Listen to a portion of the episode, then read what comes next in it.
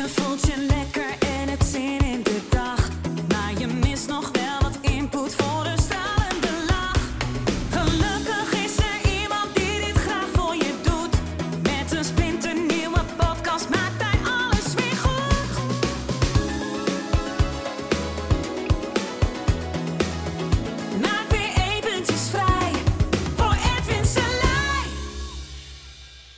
Hallo ladies and gentlemen en welkom bij de Spiritualiteit in Spijkerbroek podcast. Vandaag iets ja, wat super egoïstisch is om te doen. Misschien wel het ja, meest egoïstische eigenlijk om te doen. En ook goed om te doen. En ik zal je zeggen wat het is. Van iedereen gaan houden. Iedereen. Van alles en iedereen. En denk je van alles en iedereen, daar heb ik helemaal geen zin in. Eh, wel van een paar mensen, weet je wel. Bijvoorbeeld mijn omgeving, hè, mijn eigen tribe. Ze hebben ook eh, met chimpansees bijvoorbeeld. Hè, als er meer dan een aantal, ik geloof meer dan 50 komen, dan, dan begint het een vechtpartij te worden. En ook als ze andere stammen zien, dan, ja, dan, dan verscheuren ze elkaar letterlijk. Dat is echt heftig. Maar goed, wij zijn geen chimpansees, hè, ofwel, het is maar net hoe je het bekijkt natuurlijk. Ehm, m- waar wij zijn, ja, wij kunnen onszelf verlossen. Ja, wij kunnen verlost raken met deze hele wereld. Wij kunnen verlost raken van onze droom. Ja, we kunnen verlost raken van angsten. Ja, wij kunnen ervaren dat we echt liefde zijn. Angsten zijn allemaal verschillend, liefde is één. Er zijn heel veel verschillende angsten, heel veel verschillende scenario's. Liefde is één. Nou, met andere woorden, het meest egoïstische wat je kan doen is van iedereen houden. Iedereen. En vaak bij je kinderen eh, lukt het. Bij je vrouw of je man ook nog wel. Hopelijk. Bij je ouders, familie, misschien. Maar daarbuiten, hè, vrienden ook nog wel, maar daarbuiten, buiten je tribe, nee, nee, nee, nee, die, die mensen niet. Maar hoe kunnen wij met z'n allen verlost raken als wij het niet zien als één? Hè, dat, dat, is de, dat kan dus niet. We kunnen alleen maar tegelijk verlost raken. Ja, als ik verlost raak, raak jij verlost. Ja, en verlost van deze droom, de angsten en dus ook de realisatie, hé, hey, wij zijn liefde. Ja, dat kan alleen maar tegelijk. Ja, dus, eh, en daarom is het zo goed voor jezelf dus om van iedereen te houden. Want, tenminste, als dat je doel is, hè. Als het je doel is om verlost te raken, hè, verlost in de zin van eh, te ervaren, wow, de liefde die je bent te ervaren, het licht dat jij bent te ervaren, ook echt werkelijk, als dat jouw doel is, en ik denk dat het iedereen zijn doel is die hier rondloopt, alleen niet iedereen weet dat het zijn doel is. De meeste mensen denken dat er nog wat te halen is buiten hun, Hè, dus in hun eigen gecreëerde wereld. Ja, dus eh, hun persoonlijkheid. Ook ik trap nog steeds in die valkuil. Want dit is niet een soort preach of zo. Eh, al lijkt het misschien zo. Dit is ook gewoon de hele tijd een note to self. Want vaak is het niet eens mijn stem die spreekt. En dan luister ik goed naar mezelf. En dan denk ik, oh ja, wat een goed idee. en dit is ook weer zoiets. Ja, dus, dus als je eh, van jezelf, als je allemaal van anderen gaat houden, dan zie je dus eh, opeens ook de liefde die één is. En op dat moment ben jij waar je altijd al hebt willen zijn. Al misschien levenslang, misschien, weet je wel, tijd is natuurlijk irrelevant, maar om het even een kader te geven. Dan vind je eindelijk wat je zoekt. Want je vindt het in iedereen en alles is het. Ja, is het. Maar je kan het daar niet uithalen, want je kan het alleen maar herkennen. Nou, dat is het enige. En één, één truc zou je kunnen zeggen is om van iedereen te houden. En dat is dan meteen het meest egoïstisch eigenlijk. Want daardoor krijg jij wat je wil. Dus je geeft wat je wordt gegeven. Je wil ervaren dat je liefde bent, dus geef je liefde zodat het je gegeven wordt. Logischerwijs, want opeens zie je het overal in je wereld. En dat kan je dus doen. Ja, dus je kan iets doen en dat is dat. Nou, en dan begin je met de, de mensen waar jij, ehm, misschien een hekel aan hebt. En er zijn misschien genoeg mensen, hè, misschien wel op het nieuws, weet je wel, die je niet eens persoonlijk kent. Hè, maar gewoon eh, ja, poppetjes zijn in een, eh, in, een, eh, in een wereld. En daar kijk je naar en daar projecteer je allerlei dingen op. Maar goed, eh, jij bent degene die projecteert. Het zit allemaal in jou. Dus als je dat wil veranderen, dan is dat eigenlijk heel makkelijk. Dan zijn het allemaal je spirituele vrienden. Dus dan hoef je alleen maar te kijken en denk je: Goh, ik hou van je, weet je wel. Ik vergeef je. Ik hou van je. En het ook echt zo zien. En als je dat kan, dan gaat, dan krijg je dus wat je hebt weggegeven. Want dat kan niet anders. En je kan het ook niet meer anders zien. Het maakt niet uit wat iemand doet. Je blijft de onschuld zien van die persoon. De onschuld die jij ook bent. Er zijn geen zonden. Er is geen erfzonde. Niemand wordt besmet geboren. Niemand pleegt zondes in een illusoire wereld. Want als jij, zodra je je ogen dicht doet, zijn alle, is alles weg wat je dacht dat er bestond. Weet je wel, het is gewoon weg. Natuurlijk, jij kan dat zien in de wereld omdat jij jezelf zondig vindt. Anders zie je het niet.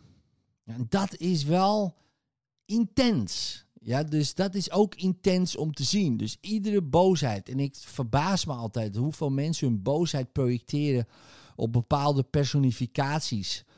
Waarvan ik denk, heb je nou niet door wat er gebeurt? Weet je wel? En die boosheid, ja, vergis je niet. En ook angst. Ja, woede en angst zijn enorme eh, katalysators voor nog meer woede en angst. Ja, want je kan bijvoorbeeld je woede gaan uiten op een bokzak. Weet je wel. Maar wat gebeurt er vaak, is dat die woede niet weggaat. Die woede blijft. eh even is hij weg. Hij is even weg, maar hij komt weer terug. Hij komt weer terug. En wat zie je bij heel veel mensen die bijvoorbeeld vechtsport doen. Kickboksen bijvoorbeeld, of MMA, of wat dan ook. Hè, uitzonderingen daar gelaten. Maar heel veel begint vanuit woede. Vanuit woede. En die woede blijft. Het enige is, die woede, als die dan komt, hè, meestal als de professionele vechters eh, zijn, dan hebben ze dat ergens in, in dat traject, is dat omgedraaid. Maar stel je voor dat zou blijven, dan hebben we dus een ultieme vechtmachine met veel woede. Nou, dat is niet veel beter geworden dan. Hadden we dan maar gewoon eh, een jongetje wat niet kan vechten, of een meisje wat niet kan vechten, met veel woede gehad, in plaats van iemand die heel goed kan vechten met heel veel woede. Ja, dus dan zie je vaak dat ook dat, het uiten ervan, ja, niet per se helpt. Ja, en misschien even, ja, maar het komt weer terug en het komt weer terug. En als jij, en deze tijd is een hele interessant om te zien wat een katalysator het is. Ook social media, wat een katalysator het kan zijn voor angst en woede en frustratie. En ja, dat kan alleen maar vanuit jou komen. Hè, want op een gegeven moment, als dat is getransformeerd, echt is getransformeerd, zie jij daar niet eens woede meer in. Ja, ook al posten mensen kotsende emojis met rode hoofdjes, dan denk je, oh, geinig, weet je wel. Je ziet daar alleen maar de onschuld in. Je ziet daar alleen maar, ja, ik zie er dan de satire van. Dat is dan weer mijn, maar goed, dat is ook een projectie. Dus dat, eh, dat is mijn eh, truc, zeg maar. Ehm, en zo gebruiken we trucs om de onschuld te zien. Weet je wel? We zijn de peuters van het universum, ladies and gentlemen. Wat kan je een peuter kwalijk nemen? En dan kan je zeggen, ja, we verneuken de planeet. En we doen dit. En we doen zus. En we doen zo. Dan denk ik ook persoonlijk, even, even daar een klein zijstaatje van, dat je jezelf eh, overschat. Peuters hebben de neiging om zichzelf te overschatten. Peuters hebben de neiging om te denken, ik kan hier wel oversteken terwijl het niet kan.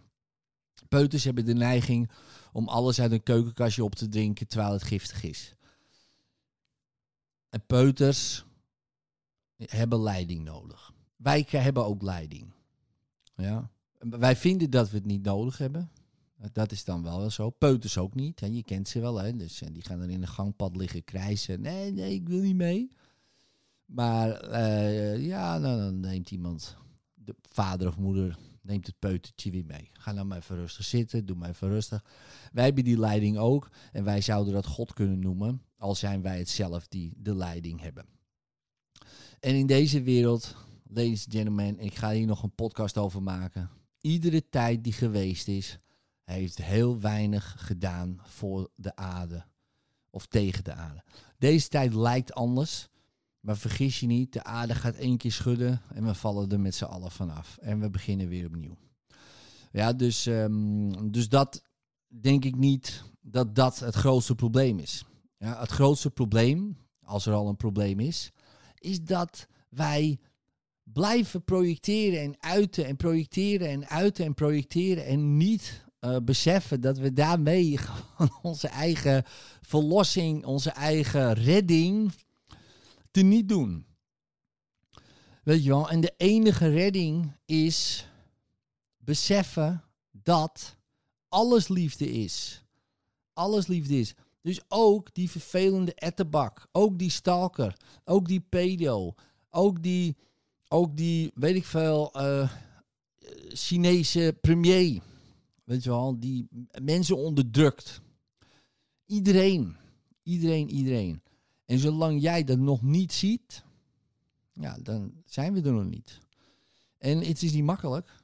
Het is uh, het meest moeilijke wat er is. Daarom, daarom is het veel makkelijker uh, om je verliezen, te verliezen in de droomwereld. Om te gaan wijzen, ja maar hij dit, ja maar hij zus, ja maar hij zou dat moeten doen of zij zou dit moeten oppakken of uh, dat. Dat is het meest makkelijke. Weet je wel, wij kunnen er niks aan doen, want de grote bedrijven hebben de macht. Ja, maar de politiek zou wat moeten doen. Ja, maar zij bepalen de regels. Oké, ja. Precies. Maar wie zorgt ervoor dat ze, de, ze dat blijven doen? Jij. Dit is de enige. Omdat jij niet inziet dat het allemaal vanuit jou wordt geprojecteerd en niks met hun te maken heeft. Helemaal niks. Zelfs hun bestaanrecht danken ze aan jou. Want als jij er niet bent, dan bestaat deze hele wereld niet.